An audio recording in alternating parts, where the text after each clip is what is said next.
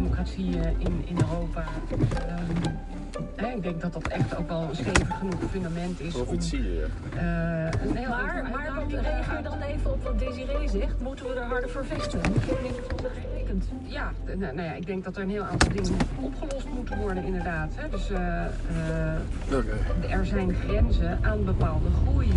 Er zijn grenzen aan wat je met het klimaat kunt doen. Er zijn grenzen aan hoe we met elkaar om eh, moeten gaan. Goedemiddag. Er zo een, een soort van nieuw evenwicht is wel verrekt interessant. eh, eh. in moet komen. Maar dat, dat is eigenlijk altijd Een radioprogramma Radio 1 van Jaja Morali. Die kan verder nog veel meer over vertellen, denk ik.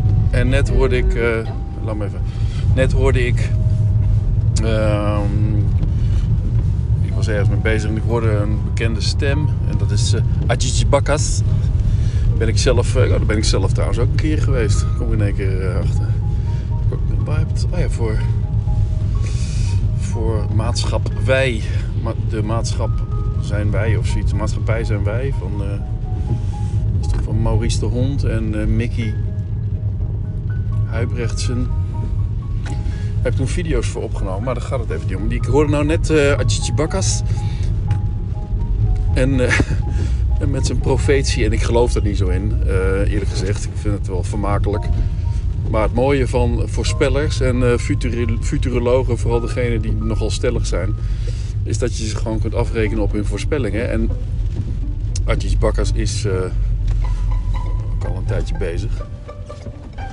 En ik heb een boek van hem gelezen. Zo'n mooi rood boek. Hij maakt mooie boeken. Mooi vormgegeven boeken ook. Een beetje gewatteerde boeken. Een beetje dik. Ik heb dat toen op een vakantie gelezen. Nou, voor de kinderen nog. Dus 2005 of zo.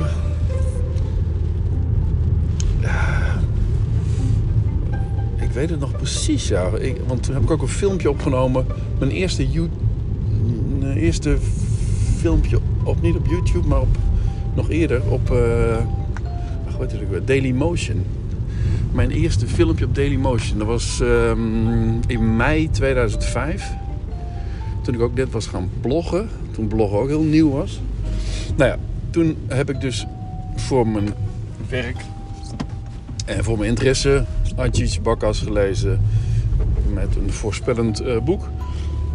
En dat ging dus, eh, wat dat betreft klopt het wel, maar dat is ook wel door iedereen te voorspellen dat de Chinezen het overnemen. Maar ik, ik, zal, ik, moet er eens gaan napluizen op dat boek, want dat boek heb ik nog wel ergens. Eh, maar ik, weet, ik kan me nog herinneren dat het over een, over een Chinese keizerin had. Of dergelijke dynastie die dan eh, eigenlijk heel Europa al onder zijn vleugels had. Niet via oorlog, maar gewoon via economische af, afdwinging of zoiets. Ja, ik weet niet, het is wel heel lang geleden. Maar dat staat me bij. Koud is het. Oh, ik begin helemaal te rillen. Je moet weer helemaal koud hebben, Lola. Je, dunne vachtje.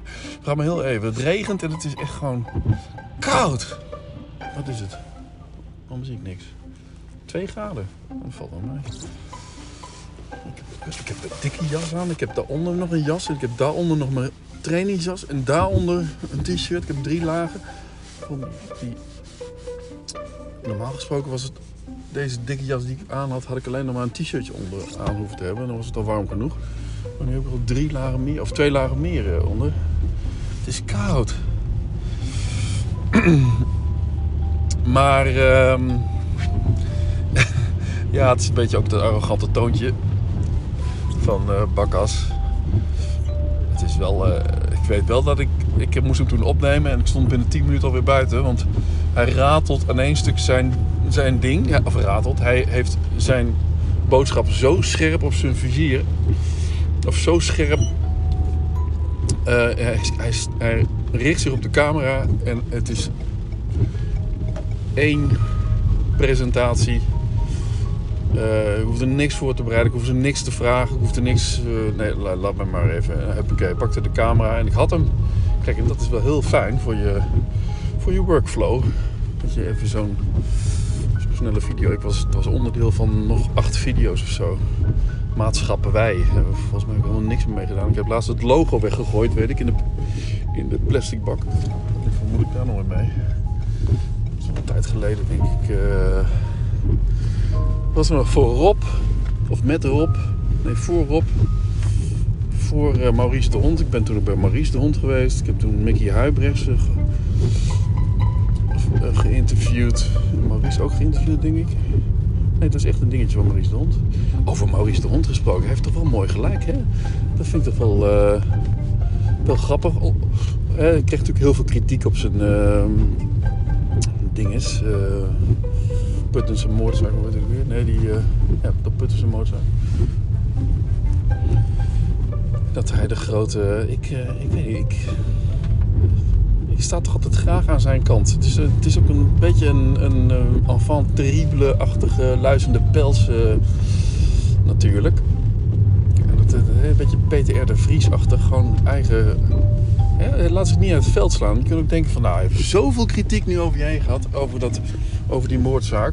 En dat het niet klopt. Nee, gewoon elke week gewoon stevig door met zijn kritiek op het coronabeleid. Hij reageert even op, eh, op zijn... ehm, op, de kritiek op hem.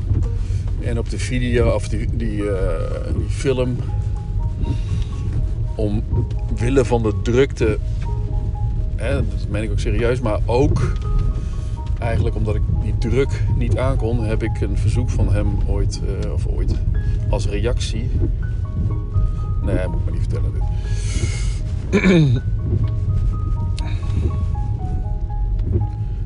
Ehm je hoeft niet alles te vertellen op je podcast, hè? Moet niet te interessant worden. En de scherpe kantjes moeten er niet te veel aan zitten. Moet wel leuk blijven. Oh, het is rot weer, Lola. Wat doen we? Ik ben hier even in blijven. Ik heb- mijn punt een beetje gemaakt. Over futurologen en... eh, Oh nee, ik wilde dat ook nog zeggen. Ik heb toen ook een keer ehm, een video gemaakt waarin... eh, of, nee, eh, heeft iemand anders een video gemaakt. Die heeft een vraag gesteld over of Twitter volgend jaar nog wel bestaat. En dat vroegen ze dus in 2011. Nou, de meerderheid zei van nee, Twitter gaat over in iets anders, in iets groters, iets, eh, iets, iets metaverserus, 2011. Hè. En dat zal niet meer bestaan. Hè. Dat is natuurlijk gewoon de populaire, de populaire gedachte, of de populaire voorspelling, is dat het niet meer bestaat. Terwijl de enige die het aan de rechte eind had, is degene die ik ook heel graag lees en volg. En dat is eh, Frank Meeuwse. En Frank Meeuwse die eh, vertelde over... Twitter bestaat nog steeds. Over, over volgend jaar en over vijf jaar ook nog. Of over tien jaar. Op Vimeo staat die video. En dat... ehm, nee, over vijf jaar was het. En ik heb het toen bekeken. Toen toevallig over vijf jaar. En toen heb ik op Twitter eh, een stukje geschreven. Nou, Frank Meeuws had mooi gelijk van, van ieder van jullie. En... eh, en nu nog steeds. En nu nog steeds bestaat Twitter. Dus ja, ja, wel leuk. Hè? Je kunt dus eigenlijk kijken bij, futu bij voorspellers en futurologen. En trendwatchers ook. Hè, nu bijvoorbeeld Vincent Evers. Kun je eh, filmpjes van presentaties die ik met hem gemaakt heb. Kun je terugkijken en kijken hoeveel gelijk die heeft. Eh, dat is toch wel leuk, hè? Dan kun je zien of die misschien die straks ook beter gaat voorspellen voor de komende tien jaar.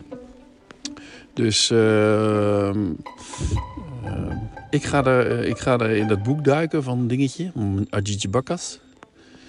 En dan, ik ga nu ook eh, de Radio 1 weer verder luisteren. Veel te interessant. Joejoe!